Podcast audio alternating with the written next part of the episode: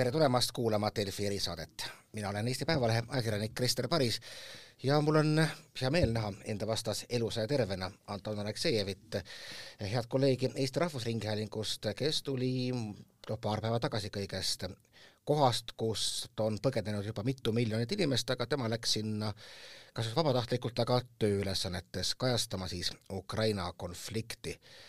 Anton, ma tahtsin kõigepealt küsida seda, et ähm, ma just äh, vaatasin, noh, ma ise nagu jälgin kogu seda äh, sündmuste arengut noh, läbi uudistekanalite ja ka läbi selle, mida kirjutab sotsiaalmeedia. Ja ma just eile panin tähele, kui palju on tekkinud ukrainlaste seas sellist noh, tõesti pimedat, raevukat viha, mitte ainult Vene okupantide või nende orkide vastu, nagu nad nimetavad, aga ka, ka üldse noh, venelase kui sellise vastu, et kuivõrd sa tunnetad, et ühiskondlik meelsus on, tänu sellele sõjale seal nüüd muutunud? Äh, ma ei oska võib-olla nii päriselt seda öelda, et mina ka loen, mul on ka Facebook ja seal on palju minu Ukraina noh, sõpru, tuttavaid äh,, poliitikuid, aktiviste ja muidugi see äh, see vaen on olemas, see raev on, on olemas. Äh, kui kuivõrd see levinud on, mul on raske öelda, näiteks Harkivis inimene, venekeelne inimene ütleb, et mina olen ukrainlane, ütleb ta vene keeles. Ja ütleb, mina räägin vene keeles. Ja vot mis denatsifitseerimisest äh, räägib äh, Putin, et äh, näed, aga tema maja äh, sai raketitabamuse ja korterit enam tal ei ole, no tema Hruštšovkas. ja kus te siin natse nägite, kus need natsionalistid siin on, see on venekeelne linn nimega Harkiv, Harkov, ta ütlemegi vene keeles, mitte Harkiv, vaid Harkov. ja kas ta vihastab, vihkab kõiki venelasi? no ta ise on põhimõtteliselt venelane. kas äh, inimesed, venekeelsed inimesed, venelased Odessas vihkavad kõiki venelasi? no muidugi mitte kas on neid, kes vihkavad kõiki venelasi? ja muidugi on. no mina, mina mõistan neid tegelikult äh, ja mul on, äh, on see hea? no ilmselt ei ole, no üldse viha on, viha on patt, on pattu, aga, aga samuti, aga mis venelastel viga? no mis neil viga? Nad istuvad Venemaal, neil on tumarelv, neil on president Putin, kes kaitseb neid, me ei julge rünnata Venemaad, karistada teda Neil on kõik korras selles mõttes, ma ei, ma ei näe, noh, keegi kuskil vihkab neid, no Ukrainas, ilmselt sellepärast, et äh, neile pähe kukuvad Vene pommid ja raketid. no arusaadav, aga no see on loogiline, kui käis teine maailmasõda, siis äh, rahvad jah, tõesti äh, vihkasid teineteist. No kui me juba rääkisime kattuvatest identiteetidest ja sa tõid sisse sõna patt, no ma, mul, mind on nagu huvitanud see, et kuidas ikkagi noh, kirik, õigeusu kirik, Ukrainas on noh, natuke osa, osa nendest on siis äh, nüüd uue, on Konstantinoopoli all, osad on ikkagi veel vene õigeusu all kõik õig-, õigeusklikud, et äh, kuidas see nagu kiriku vaatest noh, paistab, et äh, sa pole küll nii-öelda kirikuisa, aga ikkagi õigeusklik hinges, et kuidas sa näed, et inimesed sellise dilemmaga hakkama saavad? no tegelikult, kui me võtame niisugune dogmaatilist poolt, siis äh, tegelikult nii Ukraina õigeusu kirik kui Ukraina õigeusu kirik Moskva patriarhaadi homofoori all, põhimõtteliselt see on üks ja sama, et see ei ole nagu katoolikud ja õigeusklik, katoolikud ja protestandid näiteks, ei ole seal niisugust nagu vasturääkivust, et äh, mingi dogmaatilist, aga see on pigem jah, see on pigem alluvus, see on pigem mm, hierarhiline küsimus. Ja mm, näiteks Kiievis käisin ma kirikus ja küsisin äh, kiriku isalt, et mis patriarhaadi, noh, mis kirikusse te kuulute, ta ütles, et jaa, Moskva patriarhaadi kirikule. Äh,. ja siis tema oli muidugi sõja vastu. Äh,, mitropoliit Onufri keda peeti Porošenko ajal niisuguseks nagu äh, riigireeturiks, et ikka jääb noh, selle Moskva patriarhaadi nagu tiiva alla. Äh, et äh, mitropoliit Onufri on praegu Ukrainas. Te, ja äh, ja see, issand, mis on mm, just rääkisin sõna, kes on, ja see, selle, selle mm, Ukraina õigeusu iseseisvalt mm. loo-, äsja loodud mõne aasta tagasi õigeusu kiriku juhtkond on osa, osaliselt näiteks asub juba Konstantinoopolis, Istanbulis, et kes jäi oma, oma usklike juurde kes nagu põgenes. aga samuti see on küsimus, et näiteks iga, igas jumalateenistuses, liturgias no vene keeles kasutatakse sõna pominajut ehk nagu tuletatakse meelde, et mainitakse tegelikult soovitakse elu no, vot, ja päästmist äh, teatud nagu noh, tegelastel mm, -hmm. et näiteks äh, Inglismaal soovitakse elu nagu kohalikule võima, võimule ehk kuningannale äh,. Eestis äh, siin meie Moskva patriarhaadi kirikud soovitavad äh, tervist ja edu Äh, peaministrile ja presidendile see on, see on normaalne. ja, ja, ja, ja, ja siis, et Eesti peaminister ja Eesti president, sest see on, see on siinkohal kirik allub nagu austab, sest iga võim on Jumala poolt. et lähtudes sellest printsiibist ja Moskvas muidugi öö, tuletatakse meelde president Putinit ja Vene või, võimul olijaid. ja just seoses sellega olen ma kuulnud, et paljud kirikud, mis on just Moskva patriarhaadi homofooria all, äh, et seal enam ei mainita äh, patriarh Kirilli. ahah, nii et äh, ikkagi, et kirik seab pigem sellist ilmalikku võimu, kas just ennast kõrgemaks, aga ikkagi suhtub niimoodi austusega? no see on, see on õigeusu kanoon ükskõik kus see oleks, oleks see Rumeenias või Poolas või uh, Kreekas või Küprosel liturgia jooksul, liturgias on teatud hetk, kui mainitakse kõige, kõige võimul olijaid ehk nagu vaimulikke ehk oma arhipiiskopi või äh, peapiiskopi või äh, patriarhi, kellele see konkreetne kogukond allub. ja pluss kohalikke, no tsiviilvõimu mm, -hmm. mis on, nagu ma ütlesin, on saadetud Jumala poolt, lugege jah, testamenti. ja siin ei ole midagi erilist, see on norm. see on, see on, see on niisugune norm. no äh, Ukrainas jah, paljud äh, kirikuõpetajad ei ma-, kes on ametlikult äh, on just Mosk-, Ukraina õigeusu kiriku Moskva patriarhaadi äh, homofoori ehk nagu tiiva kaitse all äh, enam ei maini patriarh Kirilli. niimoodi läksime natukene või ka võib-olla ka väga sügavale, aga väga huvitavalt äh, ukrainlaste hingeellu. räägiks natukene ka sinu enda sellisest kogemusest, sa olid peaaegu noh, kuu aega ikkagi Ukrainas, nägid ühte koma teist, noh, kui vaadata näiteks, mida sa peale selle ametliku töö kaadrit ei jagasi, siis äh, Facebookis jääb kohe silma.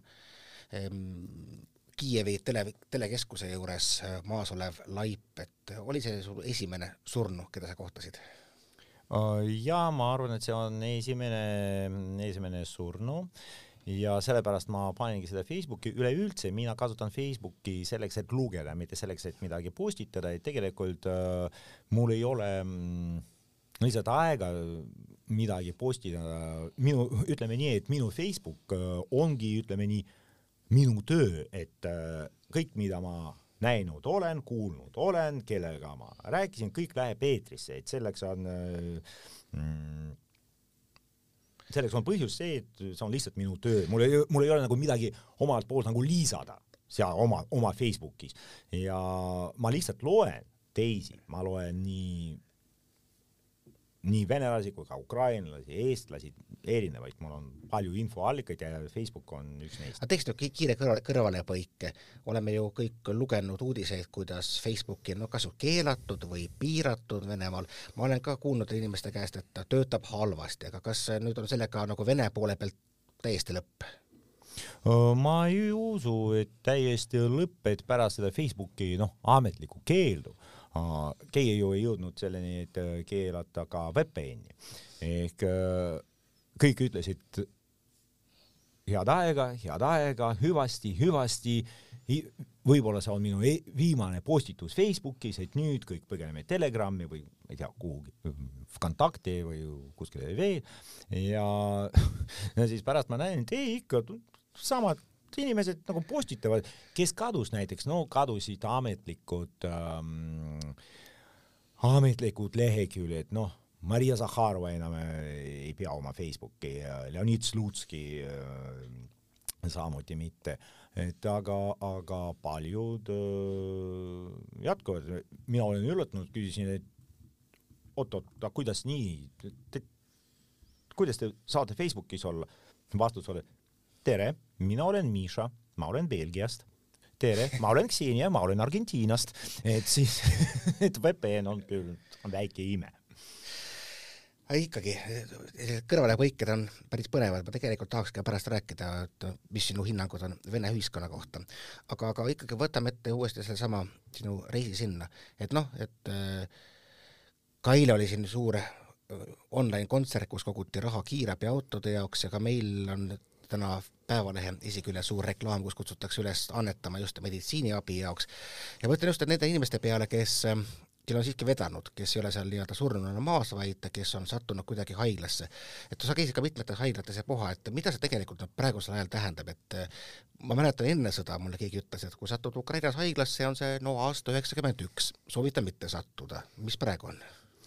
sõltub haiglast muidugi, no ütleme nii, et äh, Kiievis äh, Ohmadid, охорони матері та дитина, дитинства ehk ema ja lapse kaitse, suurim Ukraina lastehaigla, see on väga kaasaegne, see on väga arenenud, et ja see, et seal inimesed, noh, patsiendid peavad peituma kuskil keldritesse, no see on küll kahetsusväärne, et seal on superpaladid ja super, supertehnika Äh, samuti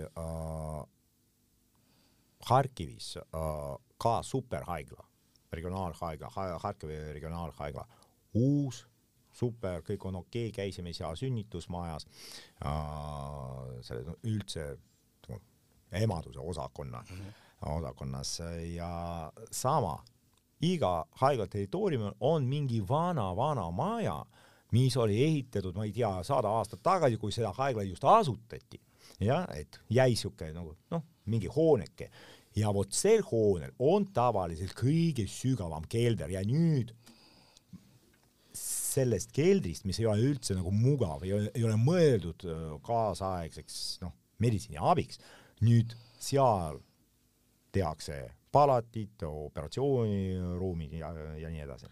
nojah, nagu me täna võisime ka lugeda, et see jõhker rünnak Mariupoli teatrile, seal tegelikult pidas kelder tõenäoliselt vastu, ehk siis need varjenditest on, on ka kasu, aga ma tahtsin küsida, et noh, et kui palju sa näed nagu sellist fatalismi, kui sa mõtled selle peale, et puhtalt matemaatiliselt, kui palju inimesi on saanud surma, kui palju viga, kui suur on tõenäosus, et sinu maja tabab mingisugune rakett või pomm, siis nagu sa ei ole Mariupolis, kui sa oled Kiievis, nagu tundub paberi peal, et jumala pisikene tõenäosus, et kas inimesed ikkagi noh, tegelikult noh, arvestavad igal päeval, igal õhtul sellega, et peaks ennast varjastama või nad pigem ikkagi vaatavad, et noh, küllap läheb õnneks sõltub muidugi rajoonist. Äh, näiteks äh, üks minu hea sõber elab Brovariis, et see on rajoon, mis noh, hakkab jääma raketitule alla.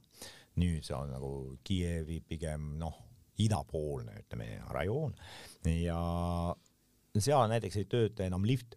inimesed elavad kümnendal korrusel, nad on nagu mina, noh, umbes viiskümmend aastat vanad. ühel mehel on noh, nõrgad jalad naisel enam-vähem. no vot, neil on suur kelder, kuhu mahub põhimõtteliselt kogu selle maja elanikkond, seda enam, et kaks kolmandikku on juba põgenenud. ehk äh, jäi ainult kolmandik korterites on, korteritesse on keegi jäänud. ja no nad ei viitsi, nad ei viitsi, kui läheb tõesti, noh, kurvaks, no muidugi lähevad. aga mm, sõltub majast, sõltub rajoonist. keegi Kiievi kesklinnas võib-olla veel ei peita, ei lähe sinna ööseks näiteks äh, pommivarjendisse. aga keegi äh, proua Rõõs võib-olla juba elabki seal ja käib ainult vahepeal üleval, me nägime Kristjaniga mm, sama lugu näiteks äh, Karabahhis Stepanakertis, kus inimesed põhimõtteliselt kolisid oma majade keldritesse ja käisid, kui oli siuke rahulik hetk, käisid lihtsalt üleval va vaatamas, et kas korteris on kõik okei mingi asja võtta või midagi, midagi taolist. et äh, siin igaüks valib nagu enda oma strateegia. no ma olen näinud ka teiste tuttavate piltidelt, kuidas noh, Kiievi Hreštšatik on täiesti inimtühi, autotühi ja puha, et siis inimesed põhimõtteliselt ikkagi elavad mingisuguse noh, need, kes pole veel põgenenud Kiievist, elavad ikkagi hoonete sees, et tänaval käiakse võimalikult vähe. no seda küll, aga milleks käia? et kõik poed on kinni peale noh, toidupoode ja, ja apteeke. et no vot, sa saad minna apteeki, sa saad, saad minna toidupoodi, midagi osta, kui on no vot, muidugi, kui leiba näiteks on, kui on äh, tahtsin küsida, kuidas sellega praegu on, et selge, et esimestel päevadel oli paanika, ostupaanika, osteti tühjaks, kuivõrd selline elu hakkab äkki normaliseeruma, et, et tekib noh, ikkagi sõjaaja tingimuste mõttes normaalne varustus? Äh, Kiievis oli mm, olukord äh, pigem kurb, aga kui me noh, nüüd ma pean ütlema peaaegu kaks nädalat tagasi, siis käisime nagu Bila tserkvas, see on rajoonikeskus Kiievi oblastis just nagu Odessa ehk Edela suunas. Uh, seal näiteks töötasid mitte ainult poed, vaid isegi oma väike turg. me saime liha, me saime mune, me saime palju nagu kraami osta ja sellega, no see on umbes üheksakümmend kilomeetrit Kiiev, Kiievist kaugusel uh,. Kiievis uh, midagi võib olla, midagi võib mitte olla, et äh, kõige, olukord on väga muutlik, et näiteks mingi hetk äh, defitsiidiks äh, sai leib, noh, sai ja leib. Siis pärast jälle see ilmus, mingi hetk defitsiidis oli bensiin. Siis pärast ma näen, et äh, jah on mingi must turg, on ka noh, normaalsed bensukad, äh, muidugi see on limiteeritud, kui palju on tavaliselt kümme või viisteist liitrit sa saad korraga osta või päeva, ööpäeva jooksul osta, kui, kuidas seda kontrollida, ma ei tea. ja, ja ikkagi autod sõidavad, aga muidu, kui tagasi tulla sinu küsimusele, siis jaa, inimesi on äh, tänavatel vähe, sest äh, pole kuskile minna mm. -hmm. et, et kuidas see nagu muidu noh, selline nii-öelda rahuaja majandus toimib, ma olen lugenud, kuidas juba paar päeva tagasi kutsusid ka Ukraina võimud, et kõik, kes olete piirkondades, kus otsest sõjategevust ei ole, no ikkagi taastage nagu elu, et külvake vilja ja minge tagasi tööle ja ja, ja et kas näiteks, no ma kujutan ette, et kui on pingeline olukord, siis äkki rongid ei sõida, ühistransport ei sõida, no autod, sa ütlesid, viisteist liitrit, no on kakssada kilomeetrit võib-olla saab sõita sellega. et kuivõrd noh, tegelikult on ka sellist selliseid kohti, kus äh, ei saa arugi, et, et on äh, kuskil lähemal tapetakse inimesi? no ma mäletan, et kui Kaimo Kuusk, meie suursaadik Ukrainas äh,, lahkus juba Lvivist äh,, siis ta ütles, et ei ole enam turvalist kohta riigis ja see vastabki tõele, et me näeme, et äh, no okei okay,, Žõtomõr, seal Žõtomõriga, kus käi, käisid meie äh, superkolleegid Astrid Kannel ja Tarmo Aarma, et äh, seal ma nägin, et mis seal toimus, mul on üks sõber on Žõtomõrist ja ta teab, millega oli tegemist. seal tabas rakett ähm, kooli, mhm. koolimaja. aga miks koolimaja? aga sellepärast, et üle tee oli sõjaväeosa, kus tavaliselt oli paiga, paigaldatud üks kõige lahingu või võimelisem äh, Ukraina brigaad. no muidugi sõja seitsmendal, kaheksandal, üheksandal päeval ei olnud seal mitte kedagi, kõik olid juba rindel, milleks seda tabada? no vot siuke täppisrelv, taheti tabada sõjaväeosa, tabati hoopis kooli, õnneks ei olnud koolis kedagi, keegi surma ei saanud ja nii see käibki. ehk Villa Tserkva keset öö, eramajade rajooni kukub pomm no mina hakkan uurima. Vene kaitseministeerium räägib meile, et nad tabavad ainult sõjaväe taristu, sõjaväe osasid ehk Ukraina armeed ja mitte kunagi tsiviilobjekte. küsin, kus teil on siin sõjaväe taristu? Nad ütlevad, no kuskil umbes kaks ja pool, kolm kilomeetrit on äh, sõjaväeosa tõesti, no Pöördumaks. jälle see on, jaa, no see on eemal. no see on äh, juba ammu tühi.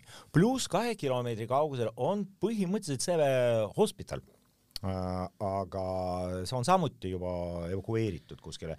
nii et meil ei ole siin midagi, no äkki teil oli siin mingi rakettsüsteem, no näiteks liikuv ja või tank või midagi. Ütlesid, et no mis rakettsüsteem, no te näete meie tänavat, meil siin isegi Žigul ei saa läbi sõita normaalselt, et mis tank. no vot nii. see on jah huvitav, kuidas noh, kõikides konfliktides, aga praegu paistab eriti silma, et ikka loed jälle, jälle koolimaja, jälle haigla, jälle koolimaja, jälle haigla ja kuidagi nagu jääb mulje, et nad kuidagi nagu tõmbavad venelaste tuld ligi, et mis sa arvad, kas on sellest, et on lihtsalt noh, nii-öelda rumalad pommid või ikkagi on, ongi pa- paha tahe? Ma ei tea, ma ei oska öelda. ma ei tea, kuivõrd me võime usaldada, no kindralmajor Igor Kona-, Igor Konašenkovi juttu, tema pressi, tema pre-, Vene armee pressiesindaja, aga tema räägib kogu aeg sellest, et kui palju Ukraina sõjaväetehnika ja taristut nad äh, hävitasid äh,, tabasid, et tema jutu järgi üldse ei ole mingit nagu probleem tsiviilelanikele, et kõik probleemid on just nagu ukrainlaste poolt, et just ukrainlased sooritavad kõik need sõjakuritegusid, et näiteks tulistades spetsiaalselt omi ja oma elanikkonda, et seda pildistada ja nii-öelda müüa lääne meediale ehk mulle ja sulle äh, tõendina Vene sõjaväelaste kuritegudest. et spetsiaalselt tulistavad iseenda peale.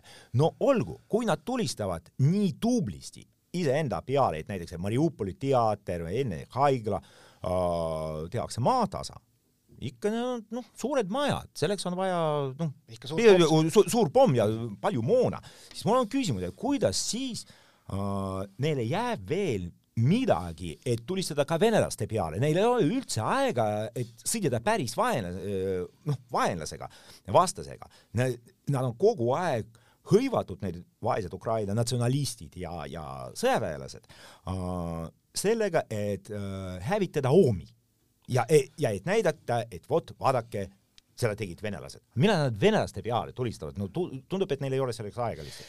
no selliste konstruktsioonide loomine muidugi ütleb nii mõndagi selle kohta, kes neid konstruktsioone loovad. aga vaatame nüüd natukene edasi, et viimastel päevadel on tulnud no just nagu selliseid positiivseid uudiseid, no just nagu positiivsed uudised tuli ka mõned päevad enne lausrünnaku algust, et noh, diplomaatilisel rindel, et ilmselt Vene pool lekitas Financial Timesi eh, oma rahuplaani ettepanekud ja, ja noh, Ukraina pool ütles, et no jah, et ikkagi konstruktiivne ja et võimalik, et saab ikkagi edasi rääkida.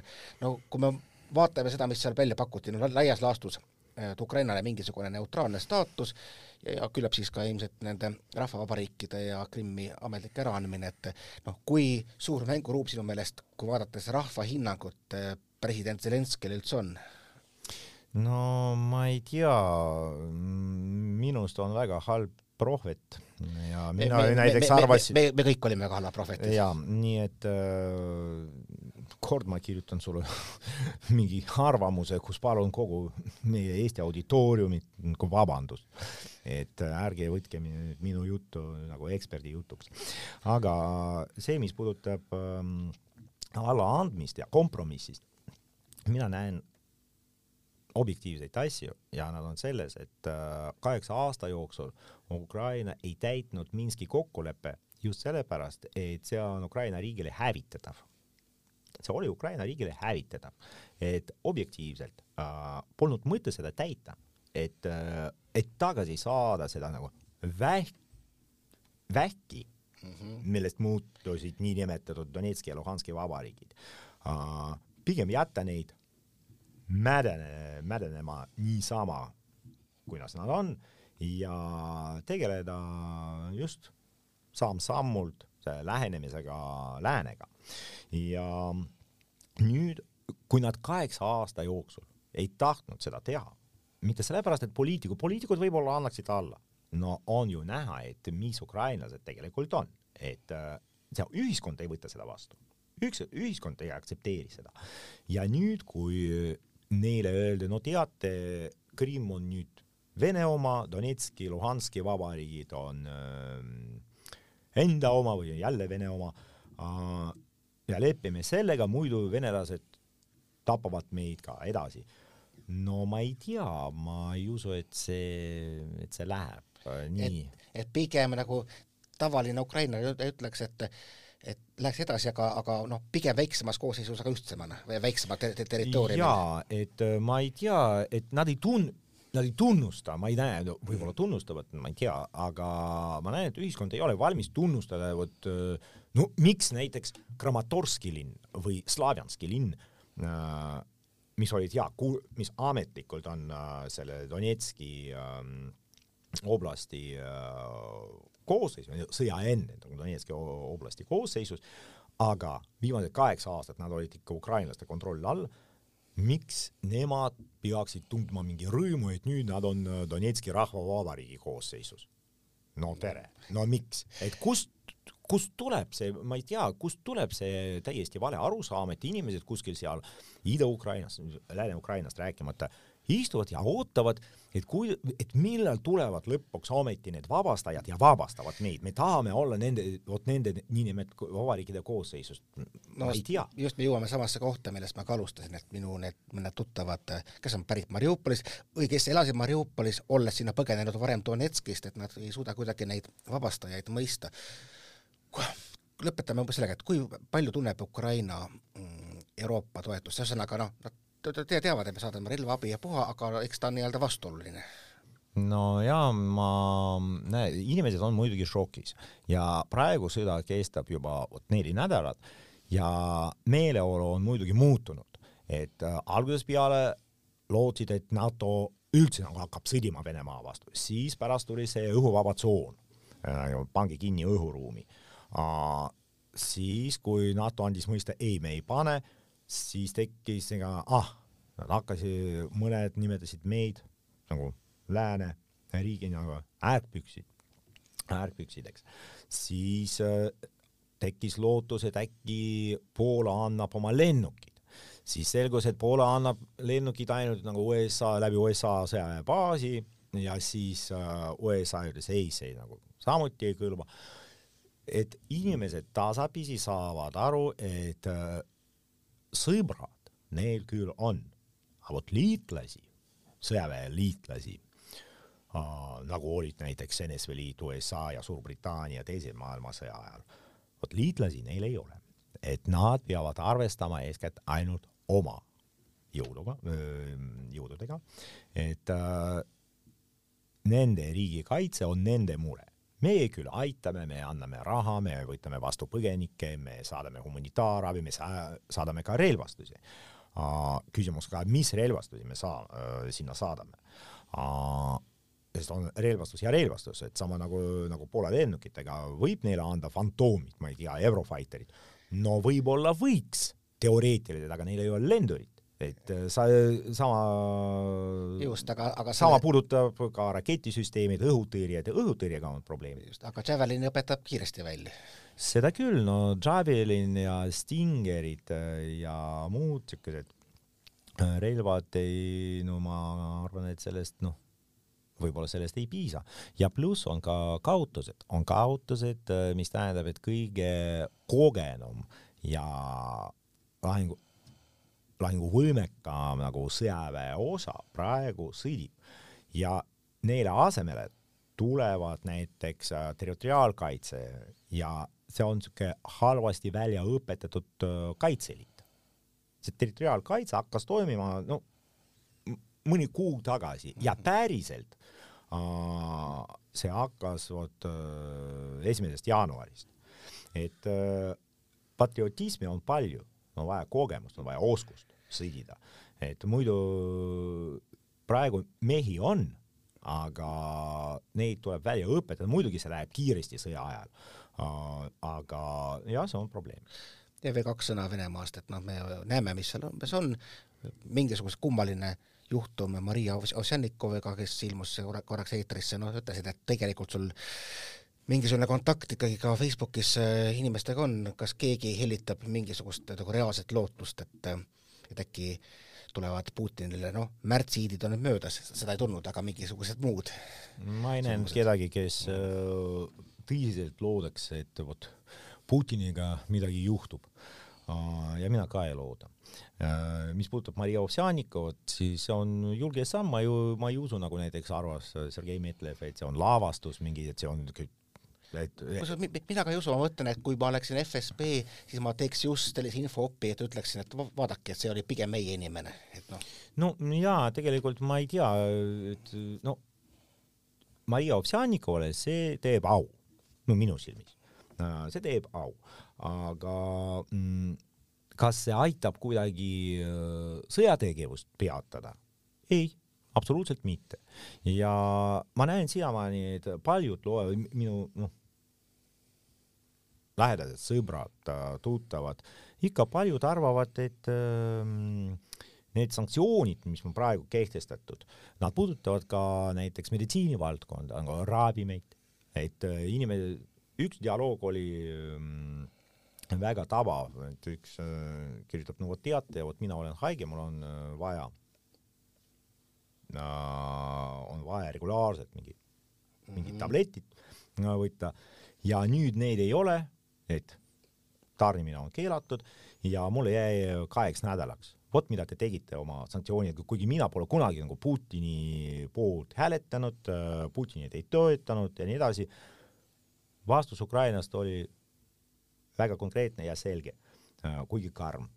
see tähendab, et teil on kaks nädalat, et Putinit kukutada. no ma näen, et inimesed ei adu veel, inimesed ei taju ei saa olukorrast põhimõtteliselt aru, et äh, kakskümmend aastat, kakskümmend kaks aastat äh, õpetati põhimõtteliselt Venemaa kodanikele, äh, et poliitika on siuke räpane asi, et poliitikud on milleski süüdi või mis, tavalised inimesed põhimõtteliselt, noh, mis nad saavad, et neil ei ole vastutustunnet, nad ei vastuta oma riigi eest oma, oma, oma riigi eest tavaline venelane ei vastuta, et ta ei assotsieeru ennast päriselt oma riigiga, ta assotsieerub siis, kui ma ei tea, keegi sportlane saab, noh, kuldmedali. et me jõuame ikka sinna tagasi, võim on jumalast antud. võim on jumalast antud, aga äh,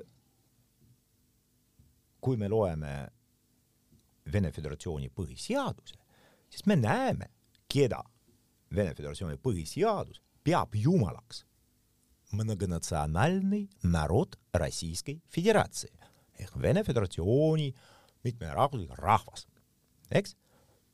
tähendab, midagi läks valesti ja nüüd Jumal on eraldi ja võim on eraldi. ja ma näen, et inimesed see, ei saa sellest aru, nad ei saa, nad saavad juba aru, et nad kannatavad, nad hakkasid kannatama, nad lähevad vaesemaks, neil tekkisid probleemid Nad ei saa aru, mille eest, nad arvavad, et probleem on meis. et meie lääs, meie ei oska nii täpselt nagu täppisreev, täppissanktsioonid karistada Putinit, et äh, ja meie põhimõtteliselt te, tegutseme samamoodi nagu Vene sõjaväelased, kes pommitavad näiteks elamurajooni.